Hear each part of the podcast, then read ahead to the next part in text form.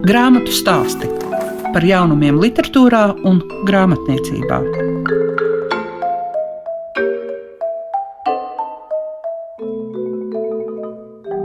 Tie, kuri labprāt lasa grāmatas, tie, kuri tajā meklē izzinošas vai emocionālas lietas, tie šobrīd visticamāk ir klasikas klausītāji un arī grāmatu stāstu klausītāji. Kopā ar jums esmu es, Liega Piešiņa, un šodien jūs varēsit dzirdēt Zani Zustu, jo viņai salīdzinoši nesen ir iznākusi kārtējā jaunā grāmata Toto atkožu noslēpumu, bet mēs runāsim par visu viņas dairadi. Uzzināsit par jaunāko domu zīmes numuru, kā arī dzirdēsit Henriku Eliasu Zēgneru, kurš par dzējoļu krājumu paradīze ir saņēmis Ojāra vācieša literāro prēmiju.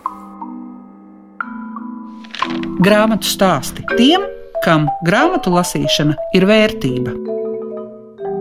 Zana Zusti ir izdevusi pietiekami daudz grāmatas, kas ir domātas gan maziem, gan lieliem. Varbūt pavisam muļķīgs vai dīvains jautājums. Vienmēr ir uci puci vai šie tarkāni, tas salikums Zana Zusta, kas liekas, ka tiek prasīts ritms. Kādreiz kāds tā ir teicis par to, ka Tā tad rodas vispirms šis vārds. Es nezinu, vai par šo ritmu tas īstenībā man ir tāds ļoti interesants novērojums. Uci, puci, zane zusta, tarakāni. Tavā galvā, manā galvā. Varbūt es turpmāk varētu par to padomāt. Jo arī nu, no tādiem pantmēriem un ritma man vairāk ir labrīmes, kas man ir bērniem, kur man ir šis ritms un tas skanējums. Bet es nezinu, vai tas tā prozā aiziet. Jā, varbūt, ka vienkārši tieši tāpēc, ka tu vienmēr centies iziet ārpus rāmja, Varbūt tāpēc man tas tā radās, jo ir tā sajūta par to, ka tas, ko tu uzraksti, par ko tu domā un par ko tu paudi viedokli,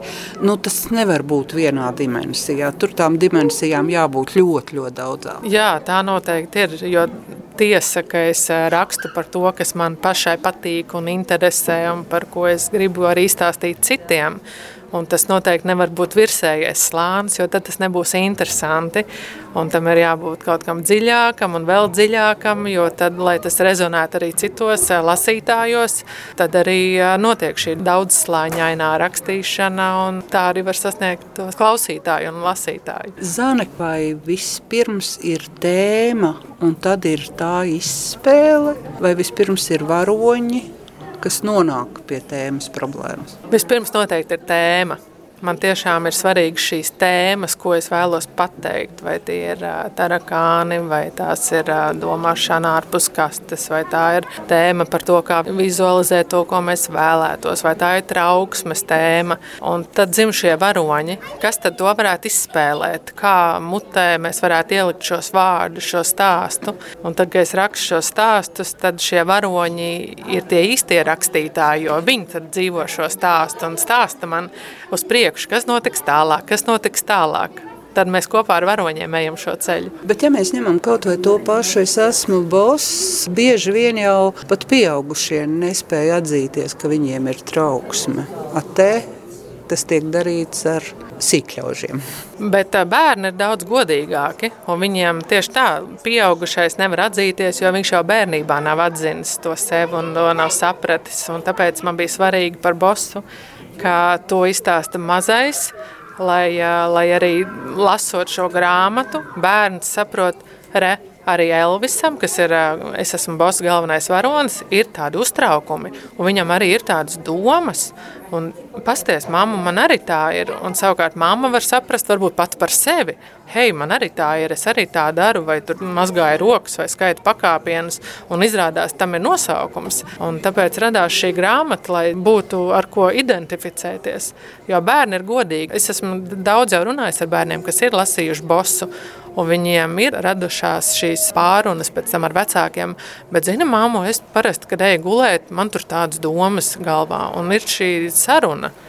Un tā mēs uzzinām par šīm trauksmēm, jo kā mēs uzzināsim, ja mums nav tas materiāls, ar ko to pārunāt. Vai tas, ko tu raksti grāmatās, ir sevišķi, nu, kas ir domāts jaunai paudzei, vai nav tā, ka tās ir jālasa visu pauģu cilvēkiem, ka tas ir jālasa bērniem, vecākiem, vecvecākiem, un viņiem tad tā ir iespēja labāk savstarpēji saprasties? Tā noteikti ir. Es domāju, ka tā noteikti ir, jo Mēs jau arī, jebkurā paudzē, mēs joprojām turpinām augt un attīstīties. Kad mēs esam maziņi, mums liekas, ka tie lielie jau ir lieli un viņi visi saprot, bet patiesībā mēs jau katru dienu paliekam vecāki un gudrāki un kaut ko mācāmies. Un jaunā paudze tagad ir daudz, varbūt gudrāka par daudzām tēmām. Vidējā paudze mākā emocionāli audzināt stabilākus bērnus. Tad atkal nākamā paudze jau var lasīt šīs grāmatas un uzzināt šīs zināšanas zināšanas.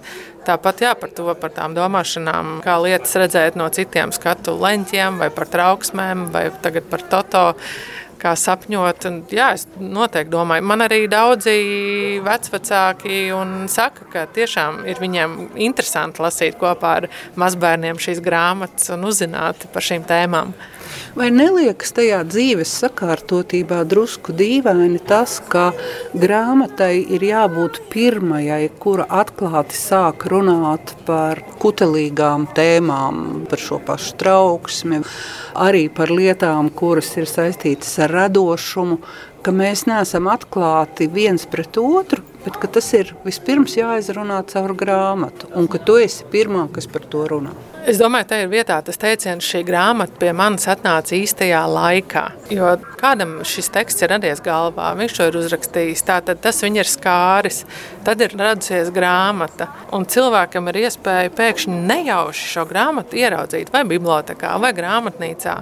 Un pēkšņi viņam kaut kas norezonē, ka man vajadzētu iegādāties šo grāmatu. Un tad grāmata ir tā iespēja sarunāties tālāk. Vai tas ir slikti? Es domāju, ka nē, ka tas ir labi, ka ir šīs grāmatas kā palīga līdzekļi, kā iespēja jā, turpināt sarunu, uzsākt sarunu. Tas ir labi. Nē, es domāju, ka tādā ziņā tas, ka vienkārši mēs nespējam paši par to vispirms runāt. Ne tādā nozīmē, ka slikti. Vienkārši man tuva radiniece Viņa nezvanīja mammai un neprasīja par kaut kādām problēmām, kas saistītas ar jaundzimušo bērnu, bet viņa visu informāciju meklē tikai internetā. Viņai vispār nebija šī saikne ar citas paudzes dzimtas sievieti, mm -hmm. tāpēc, ka viņa visu atrada tur. Viņa vispār nerunā to. Es domāju, ka tomēr saiknes starp cilvēkiem beidojas, bet grāmatā ir tas lieliskais bonus, ka grāmata vienmēr, nu, varbūt nevienmēr, bet varbūt manā gadījumā, kad es rakstu, grāmata ir kā izziņas avots. Mēs taču grāmatās meklējam kaut ko vērtīgu. Mēs negribam vienkārši kavēt laiku. Nu, nu, ir jau arī tā, ka mēs vienkārši kavējam laiku, bet uh, grāmata ir izziņas avots. Varbūt vispirms ir grāmata, un tad tu aprunājies ar to līdzcilvēku. cilvēku. Varbūt tas tev palīdz, varbūt ir otrādi, varbūt aprunājies un tad lasi grāmatu. Es personīgi, kad es audzināju bērnus, runāju tomēr ar uh, mammu un līdz cilvēkiem. Es nemeklēju grāmatā. Kas notiek tajā brīdī, kad rodas līdzautors? Tā kā tas ir ar tarakāniem manā un tavā galvā. Tad grāmatā rodas dubultā enerģija. Jo līdzautors, protams, ir ļoti svarīgs. Ir jābūt starp abiem autoriem ķīmijai. Viņiem ir jābūt uz viena viļņa un vienā tādā enerģijas laukā, es gribētu teikt, un jārunā vienā valodā, lai arī tās mūsu domas ļoti labi saplūst kopā, lai tas ir kā vienots darbs. Jo būs ļoti grūti lasīt, ja vienam cilvēkam ir viena izteiksmes līdzekļa un otram izteikti citi vai cits ritējums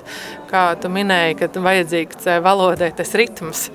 Un ar Diānu, Zandi un Gata līdumu tiešām mums bija šīs ķīmijas. Un brīdī, kad grāmatai rodas līdzautors, grāmata noteikti iegūst pareizās simbiozes dēļ. Pie kā tu tagad strādā? Šobrīd es patiesībā strādāju pie dramatizējumiem.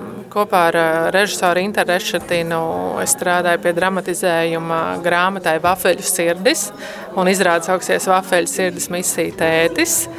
Un arī Krievijas drāmas teātrī strādāju pie izrādes dramatizējuma Indulim un Ārijai. Tie ir darbi, pie kuriem es šobrīd strādāju. Bet nu, pat, nu, pat ir iznākusi Tato atkožu noslēpumu grāmatiņā. Un, nu, kaut kādi manuskripti ir datorā, bet pagaidām es viņus nekur nevirzu, jo, manuprāt, tie darbi ir jau gana, un tagad es pievēršos arī dramatizēšanai, kas ir ļoti interesanti. Vai nav fantastiski tā sajūta, ka vai tā ir leļu teātra izrāde, vai tā ir filma, kā citu mākslas jomu pārstāvi arī vēlas izmantot, ko tu esi rakstījis? Tas ir ārkārtīgi brīnišķīgi, jo tiklīdz darbs iegūst dažādas formas, grāmata, radio, luga, teātris izrāde, leļu teātris izrāde un TV seriāls galu galā, tad šī mana doma, ko es esmu ielikusi savos darbos ar vēlmu, ka tas ir kā izziņas avots, ka tas palīdz tiešām. Man ir tas, tas uzstādījums grāmatas ar uzdevumu, un lai tas kaut kā palīdz. Un, līdz ar to, ka pieslēdzās šie citu jomu profesionāļi un tajā saskat potenciālu, tas jau mans vēstījums aiziet pie lielākas auditorijas. To dzird radio klausītāji, to redz leļu teātra apmeklētāji televīzijas skatītāji, un viņi uzzina par šīm manām domām, ko es sākotnēji tikai uzliku uz papīra. Kas ir tas, ko tu pati lasi un ko tev dod citu rakstītās grāmatas? Starp citu, ļoti labs jautājums, jo citu darbi ārkārtīgi var iedvesmot. Jo mēs jau gribam vienmēr uz kaut ko tiekties, kaut kam līdzināties. Man uh, ir uh, latviešu autors, es ļoti turu godā Jānu Egli, Dācis Rukšānu, Lauru Vinogrādovu, Noru Ikstenu, tagad arī uh, Ingu Pizāni, ārkārtīgi viņas dzēja liekas uzrunājoša un virzoša. Un pat es arī tikos ar uh, dzēnieci Ingu Pizāni tādā dzējas rakstīšanas meistarklasē mums divatā, un tad mēs tieši to pārunājām ka tu palasot kaut ko no citu darbiem, kas tevi iedvesmo, tu arī pats jau ieplūsti tajā tādā viņu skanējumā, un tu vari to turpināt. Un tas ir tik jauki, ka mēs varam viens otru tādā veidā atbalstīt un iedvesmot. Un izrādās, varbūt, ka es esmu arī kādu iedvesmojusi, un viņš mani, un tā mēs kopā virzamies. Grāmatu stāsti programmā Klasika viss laiks, kas tiek pavadīts domājot tiek pavadīts domājot par Ukrajinu. Tā kā tā dzēja ir šobrīd eh, aizvirzījusies citā plānā. Bet, ja palūkojas uz to savu krājumu, cik ilga laika, kā saka, apkopojums, emocijas, tās sajūtas ir? Faktiski sanāk, ka tie ir astoņi gadi kopš pirmās grāmatas, kas ir diezgan ilgs posms. Skaidrs, ka nav tā, ka astoņus gadus es par viņu domāju katru dienu, bet nu, kopumā jau tas iezīmē jā, tādu vismaz pēdējo sešu gadu posmu noteikti, kas ir visnotaļ ilgs laiks laiks ar dažādām pārmaiņām dzīvē. Tas, tas periods ir plašs. Bet kā ir svarīgāk rakstīt dzējoļus, vai tos arī pēc tam izdot? Jo tad atkal jāmeklē citi tie spēles noteikumi, formas ziņā. Jā, tās ir divas dažādas lietas patiesībā. Tie ir divi pilnīgi dažādi procesi. Jo šīs grāmatas sakarā noteikti var teikt, ka man tā dzējoļu rakstīšana ir bijusi tāds tiešām emocionāli intensīvs daudzējādā ziņā terapeitisks un absolūti tāds personīgs process, kas ietiec tajā teritorijā, kam nav sakara obligāti piemēram, ar sociālu dzīvi. Bet tā izdošana un visas šīs lietas, tā ir savukārt spēlēšana cilvēkos, tā ir domāšana citā plāksnē. Tas nošķīrums ir diezgan liels. Un kas pašam svarīgāks? Tā pirmā daļa. Tā pirmā daļa. Ir grūti tā salīdzināt. Nu, abas ir svarīgas, bet tā pirmā noteikti ir vērtīgāka man kā cilvēkam. Es pieļauju, jā, pašam pašam sev. Tad, ja īsumā pašam jāraksturo, par ko ir dzīvojuma krājums? Īsumā es teiktu, ka viņš ir par mīlestību. Patiesībā šajā gadījumā diezgan tieši, mazliet plašāk droši vien par uh, attiecībām ar cilvēkiem. Ļoti konkrēti, emocionāli un personīgi šajā gadījumā izvairoties no teiksim, abstrakcijām vai lielām intelektuālām konstrukcijām par attiecībām ar cilvēkiem, ar tuviem cilvēkiem, kaut kādos brīžos vienkārši par attiecībām ar sabiedrību. Par par savu vietu tajā, bet, eh, bet jā, par cilvēcisko kontaktu. Vai nav tā, ka tās ir atbildes pašam uz saviem jautājumiem, un kad nav nemaz svarīgi, ko cits par to domā? Droši vien, tad savukārt jāmēģina saprast, kas ir pašam savi jautājumi. Jo skaidrs, ka viss, ko mēs pajautājam sev, kaut kādā veidā ir arī mūsu reakcija uz to, ko mēs esam uztvēruši no citiem un sapratuši no citiem. Tā tālāk. Ko nozīmē kaut ko pajautāt sev?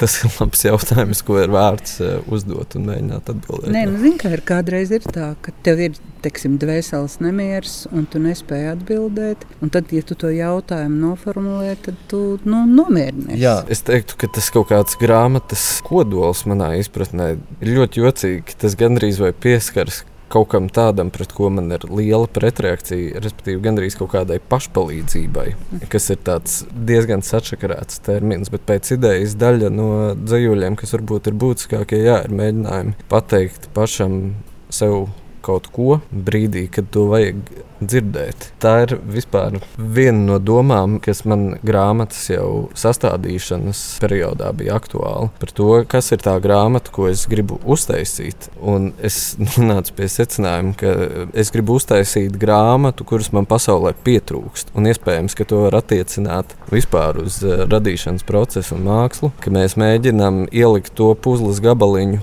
kas mums pašiem trūkst un ko mums tieši vajag. Jā, tas noteikti ir tāds ceļš, kas parādījās vienā brīdī. Vai atceries to sajūtu, kāda bija tad, kad pirmo reizi Latvijā startēja? Nu, tad mēs rādio toreiz sarunājāmies. Jā, jā, jā pilnīgi cita pasaule, pilnīgi visās izteiksmēs pirms astoņiem gadiem. Jā, un es domāju, arī skaidrs, ka es esmu tas pats, bet uh, atskatoties uz to, tā bija cita kaut kāda manas versija, vai ne? Cits cilvēks. Vai es varu palūgt arī kādu dzējoli?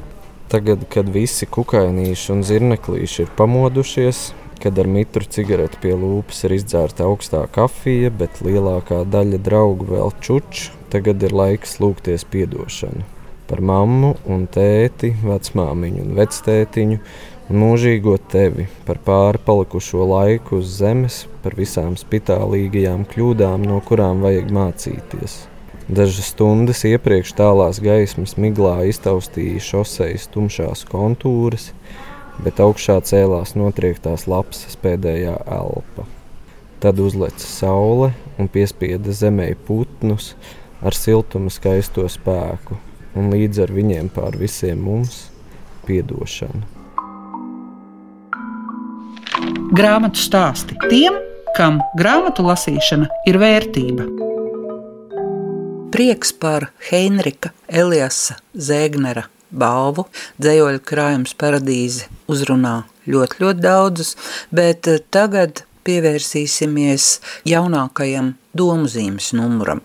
Jāsaka, ka domu zīme par labāko aizvadītā gada dzējoļu krājumu atzina Elīnas Bākulas veiras krājumu. Bet tūlīt jūs varēsiet dzirdēt sarunu ar domu zīmes redaktoru Jāni Vādoni.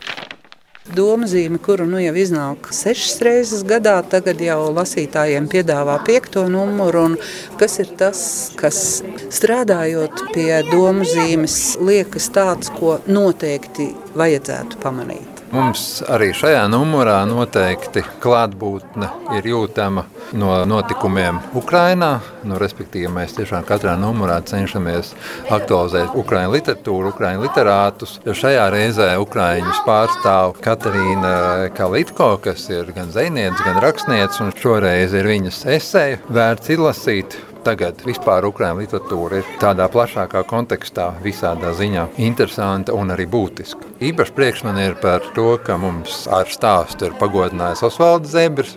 Viņš šoreiz ir veidojis stāstījumu kā nojaušams visnotaļ no savām personiskajām atmiņām no bērnības eh, laika un katram zēnam vai puisim svarīgās lietas saistībā ar mašīnu vai pirmo mašīnu. Tad noteikti es gribētu izcelt arī Ingas Žoludas pavisam īso bet nozīmīgo tekstu, ko varētu nosaukt tagad un uzreiz. Tā tad aktuālais un tādi dienu pieraksti. Un noteikti no prozas arī Džamela Brinklija ar eh, Henrija Balvu apbalvoto stāstu liecinieku Ievas Lešinskas brīnišķīgā tulkojumā Tāda man pašām vienmēr tuvu, protams, ir dzējas sadaļa. Īpaši jāizceļ Dainas sirmā ar jaunākiem dzējoļiem. Un pirmo reizi varbūt pat mazliet dīvaini, bet pirmo reizi pie mums ir publicējusies Anna Līts ar saviem jaunākiem dzīvoļiem. Tāpat jāuzsver, ka Emīļas Grigorjevas eh, atzījumā ir lietuviešu klasiķa Aļģimanta Mackus. Tiešām lieliskā dzēkopa, veltījuma nāvei un mīlei. Un vēl noteikti, kā vienmēr, gan mani pašu, gan es zinu, ka lasītājs vienmēr interesē interviju sadaļa. Tā šoreiz ir ar um, dzēni un ar viņu sarunājās Andris Zeņenkovs. Nu, nevelti viņš tiek nosaukts par rakstīto avotu šifrētāju, tā kā es domāju, lasītājiem vajadzētu tiešām iepazīties arī ar šo interviju. Un vēl noteikti jāsaka, ka mēs esam sākuši rakstu sēriju, kas ir veltīta um, Jāņa Enzelīna jubilejas gadam. Nu, kā mēs zinām, Jāņa Enzelīna jubilejas gads ir pamanīts pat UNESCO līmenī, nu, kas nebūtu nav bieža parādība. Un um, mēs sākam rakstu sēriju, kas tiešā un netiešā veidā ir saistīta ar Enzelīnu, protams, ar latviešu valodu. Un šo rakstu sēriju ievada Liepājas universitātes rektors, valodniecis Dats Markus raksts, ļoti interesants raksts par to, kā runā malēnieši joprojām un tagad, un tepat Latvijā. Un vēl noteikti jāizceļ Andrē Veisberga, profesora, valodnieka. Ļoti interesantais, nebūtu ne akadēmiski sausais raksts par cenzūru tulkojumos, daļtatūras tulkojumos. Pat raksts tā arī sauc tieši tikpat asi ar cenzūras šķērēm. Izskan grāmatu stāsti. Šīs dienas raidījumā dzirdējāt Zani Zustu, uzzinājāt par jaunāko domu zīmes numuru – un dzirdējāt šī gada Ojāra vāciešu literārās prēmijas laureātu Heinriku Eliasu Zēgneru. Kopā ar jums bija klasika, grāmatu stāsti un liega piešiņa. Tiksimies citurreiz! Grāmatu stāsti par jaunumiem literatūrā un grāmatniecībā ik trešdienu, 9.5. ar atkārtojumu Svētdien, 18.15.